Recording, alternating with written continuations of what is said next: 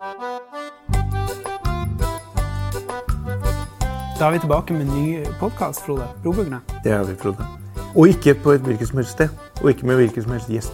Nei, vi sitter i sekretariatssalen eh, til LO. Men aller først, mens vi eh, snakker nå, så pågår det et eh, koronavirusutbrudd. Ja, det kan man si. Nå er det nærmest folketomt, og de fleste har avlyst. Så vi eh, avlyser jo alle møtene sine, så vi er litt heldige også med å ha fått med vår gjest. Ja. Det tror jeg er helt på tampen. Helt på tampen. Vi, vi er bare tre stykker, men vi ser at Youngstorget nå er, er, nesten folketomt. Og så er det tre typer av folk som er eh, Hvordan de takler dette koronaviruset. Ja, det var den første, som er veldig opptatt av å sette seg inn i alt av nyheter, følge med på siste fra Verdens helseorganisasjon. push-varsler fra helse, Verdens helseorganisasjon. Det er deg, Frode. Ja, det Det kan er være, ja. eh, såpass bakteriofob må vi kunne si at du er. Ja, og så har vi den som tøyser med deg. Ja. Det er de som eh, sier 'bæ, nå fikk du smitte på det'. på Og så har vi den aller siste.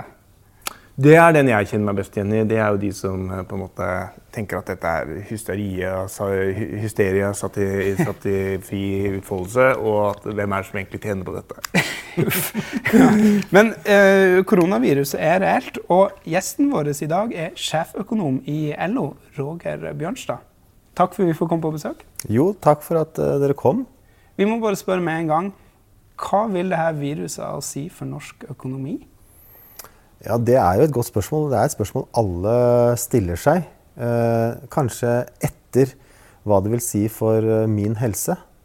Men eh, økonomi og helse går her eh, hånd i hånd. Eh, jeg kommer nettopp fra møte med næringsministeren og arbeidsministeren, hvor vi har diskutert akuttiltak og hvordan regjeringen kan gjennomføre tiltak med en trygghet for arbeid og inntekt til folk flest. Så det, det her er veldig alvorlig, selvsagt, for økonomien. Det er veldig alvorlig fordi vi får eh, praktisk talt en eh, totalt eh, shutdown, altså en nedstengning av eh, store deler av økonomien. Og eh, det, er, eh, det er utfordringer knytta til vår infrastruktur.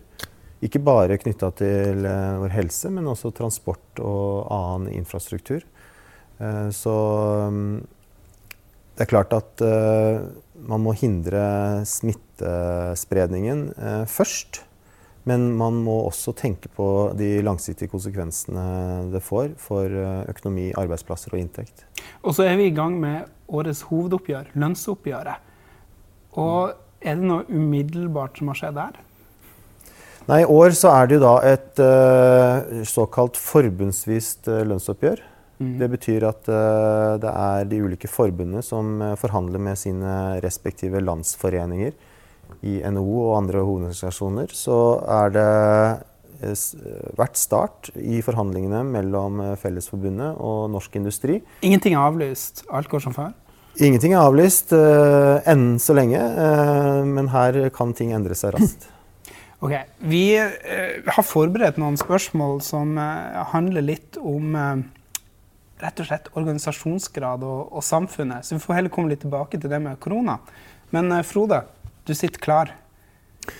Ja, eh, Det man kanskje er interessert i når, det, når du skal snakke om oppgjør og ho hovedoppgjør og sånn, og det er jo hva det å være organisert eh, Har det noe på en måte Hvilke, hvilke gunstige Det Det vi prøver å spørre om, er rett og slett høy organisasjonsgrad. Er det, kan vis, vises det på noen måte under lønnsoppgjøret?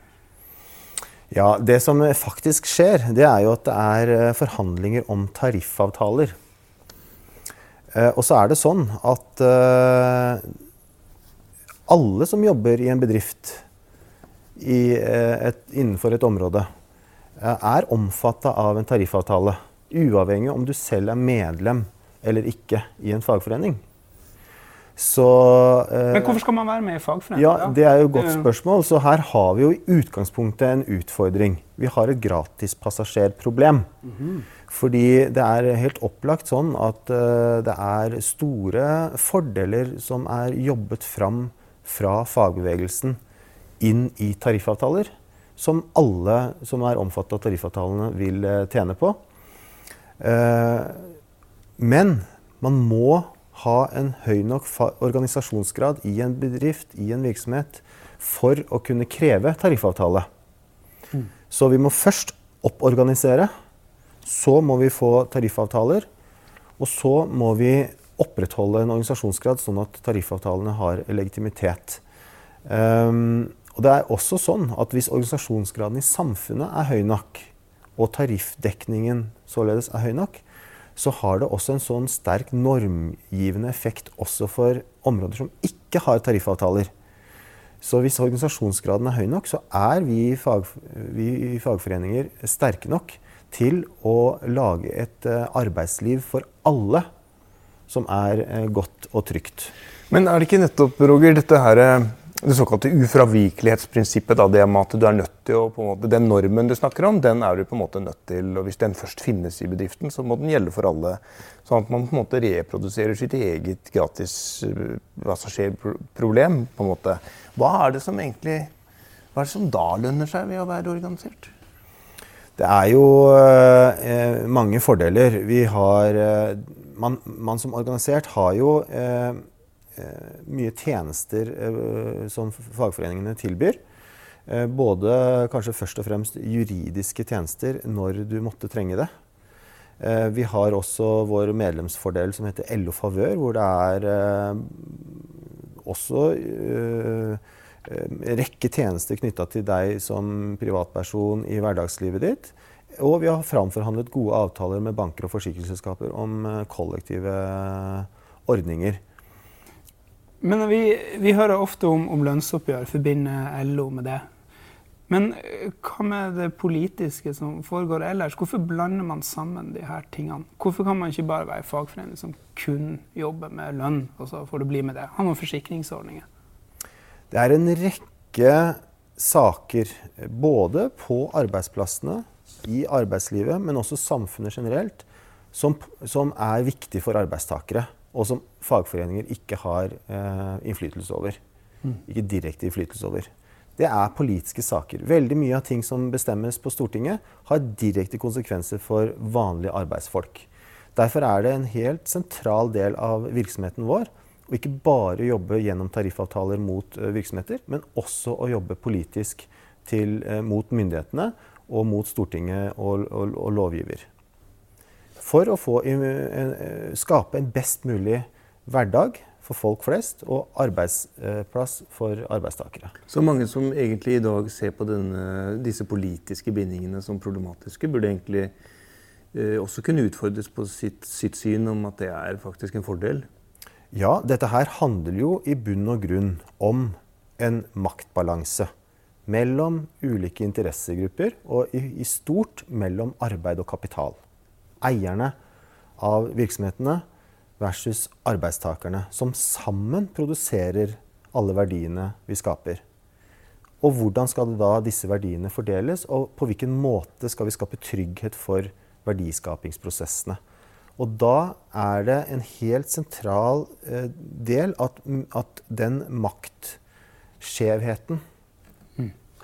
Den hadde vært ikke bare på arbeidsplassene, men den hadde også vært sterk til stede politisk hvis det ikke hadde vært eh, for at arbeidstakerne kunne organisere seg og utøve eh, press mot politiske myndigheter. Men er dette en sånn, er dette marxistisk teori? At hvis man ikke prøver å avskaffe den asymmetrien, så blir det revolusjon og, mot kapitaleiere og osv.? Eller er det det er i hvert fall sånn at hvis uh, maktubalansen får lov til å uh, forsterke seg og fortsette, så vil det skape sosial uro. Det vil skape mistillit, og det er ingen tjent med. Mm. Uh, derfor er det helt sentralt innenfor den norske tankegangen at vi både har makt, at arbeiderne har makt og innflytelse over verdiskapingen, men også over de politiske prosessene. Ok, Men hvilke, øh, hvilke fordeler er det vi som samfunn først og fremst får ut av dette med at vi har et rettferdig system for å eller noenlunde politisk ut, balansere ut den, den asymmetrien, da? Eller den, den, forskjellen i makt? Det å ha et velorganisert arbeidsliv, et, øh, en høy organisasjonsgrad, en jevn maktstruktur i samfunnet, det har en rekke rekke fordeler. Det er en fordel for sosial stabilitet og demokrati, men det har også helt klare fordeler for verdiskapingen og økonomi og den økonomiske veksten. Ja. Ja. Høre. Nei, fordi eh, den økonomiske veksten den kommer jo fra produksjon ved hjelp av arbeid og kapital og naturressurser som sammen kommer og skaper verdier. Og hvis eh, man kan skape de verdiene på en måte som gjør det mest mulig effektivt, at vi får mest mulig ut av ressursene, så, eh, så skaper vi også enda mer verdier. Og eh, samarbeid, tillit, eh, er et helt sentral eh, element i å, å være effektive. Tenk hvor eh, ineffektivt ting hadde vært på din arbeidsplass eller eh, i møte med kunder eller samarbeidspartnere hvis man ikke stolte på hverandre.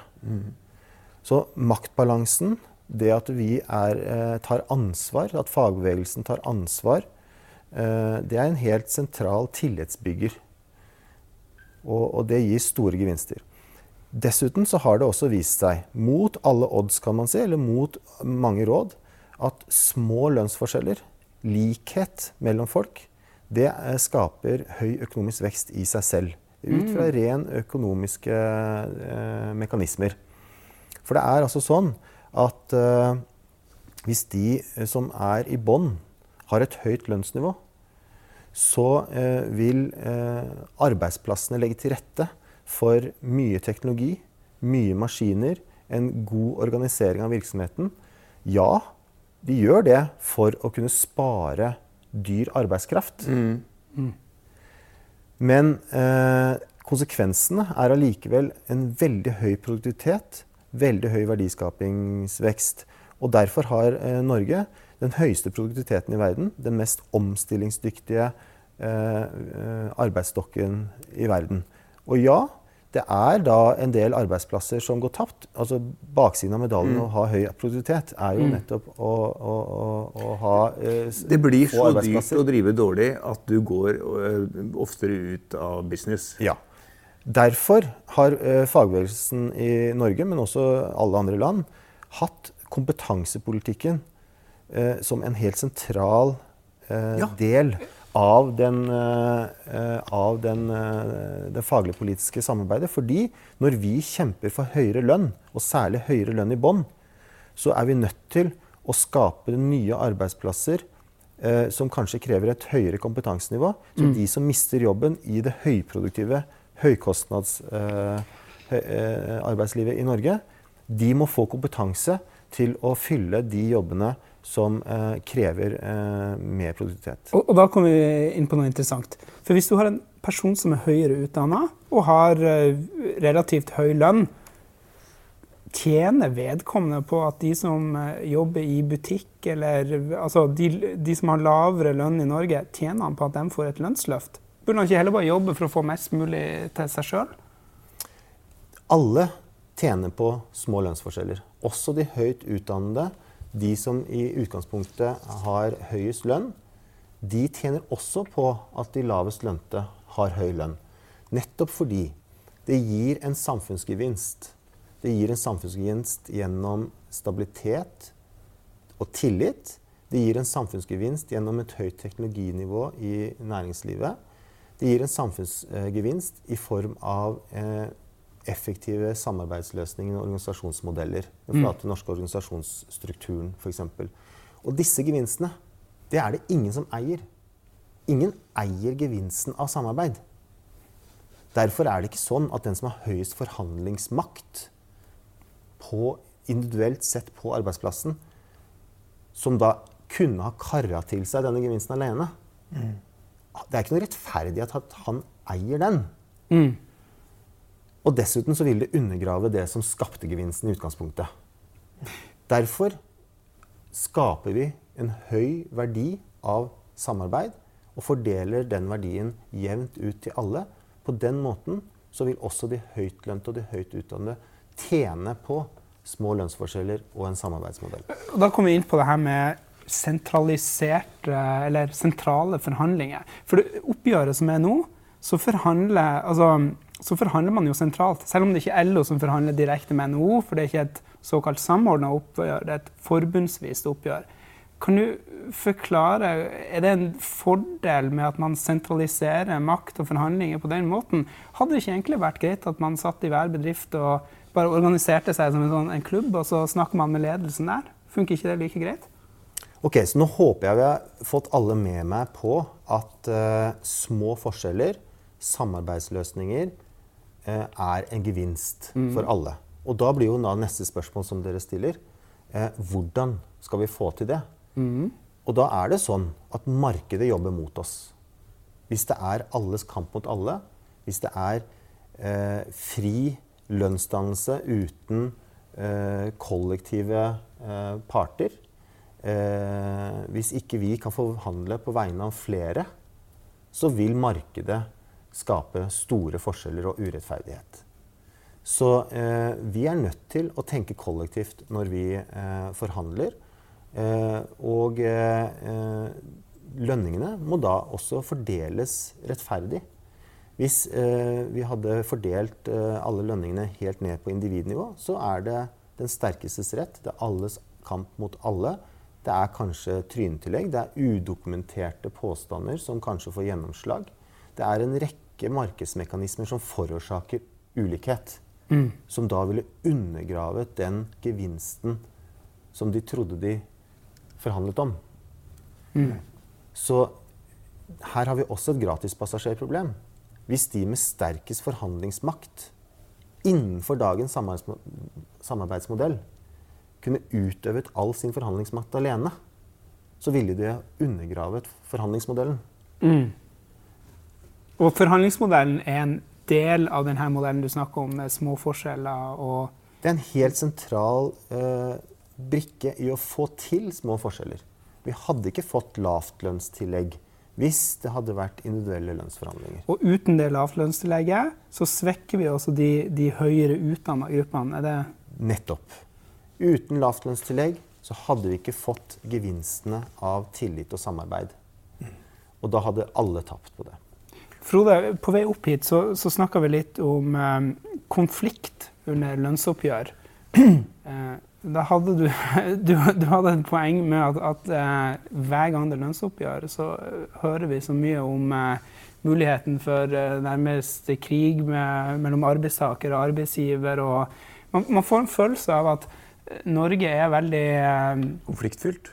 Rett og slett. At, eh, at det nesten alltid er eh, nå, streiker det igjen, eller at det er veldig mye uro på en måte i eh, Hver vår blir vi liksom minnet på om at det er liksom eh, konflikt neste. Er det er, er norsk modell konflikt? Vi må huske på at uh, den norske modellen den har en del dimensjoner. For det første Vi har ikke fjernet interessemotsetninger. Det er interessemotsetninger mm. i Norge. Vi har gjort interessemotsetningene mindre enn i veldig mange andre land ved å dyrke små forskjeller og samarbeidsløsninger. Men det er fortsatt interessemotsetninger. Og hva har vi gjort med det? Jo, vi har vært veldig opptatt av, av å bygge institusjoner for å takle interessemotsetninger. Mm. For å løse interessemotsetninger. Eh, og vi har vært opptatt av eh, at disse institusjonene, om det være seg lønnsforhandlingssystemene eller teknisk beregningsutvalg eller kontaktutvalget med myndighetene Hva, hva er alle de her? Ja, det, kan vi, det, kan vi, ta en annen gang. Ja. Men vi har skapt en rekke institusjoner for å forhandle om det vi faktisk er uenige om og ikke forhandle eller ikke, ikke, sitte og ha mistillit til hverandre. Og, og, vi har jo lagt veldig godt til rette for det også i lovverket. For det, i, i arbeidsmiljøloven i, i 4.2 tror jeg, så står det jo også at, at det er noe med å at det er legitimt at man skal ha kryssende interesser, og at man bare skal ha et system for å nettopp ivareta dem og diskutere ja. dem og spille dem ut. Det er ikke bare legitimt, men det er helt reelt. Altså, det mm -hmm. er interessemotsetninger som vi er nødt til å løse. Og hvis vi ikke hadde hatt institusjoner for å løse dem, så hadde vi jo fått konflikten på en helt annen plan. Og den konflikten hadde jo skapt utrolig mistillit som hadde ødelagt veldig mye av den gode samarbeidsmodellen vi også har. Men det er kanskje det vi ser når vi på Dagsrevyen ser brennende bildekk og blokader øh, og franske bønder som dumper kumøkk foran øh, parlamentet og den type ting? Ja, det er jo fordi at man ikke har institusjoner for å takle uenighet. Øh, at det, dette må ut på gatene. Men er det mer konflikt i Norge enn andre land? Nei. Norge har en av de eh, Det, det fins jo statistikk på antall eh, streiker og hvor mange arbeidsdager som går tapt pga. streik. Og dette er en internasjonal statistikk. Og Norge er eh, blant de landene med færrest konflikter og færrest tapte arbeidsdager pga. arbeidskonflikter. Så de kollektive forhandlingene, det sentrale oppgjøret, det bidrar til mindre tapte arbeidsdager? Er det en påstand du jeg, min påstand er at delvis så skyldes det at vi har små forskjeller. Og vi har høy tillit til hverandre, og vi dyrker samarbeidsmodell og en kompromissmodell. Mm. Og den andre årsaken er at de interessemotsetningene vi da fremdeles har, de har vi institusjoner for å takle. Mm. Og vi har eh, eh sett med regler og normer som eh, alle forholder seg til eh, for hvordan man skal komme fram til løsninger og, kom og, kompromisser. Er det et klassesamarbeid?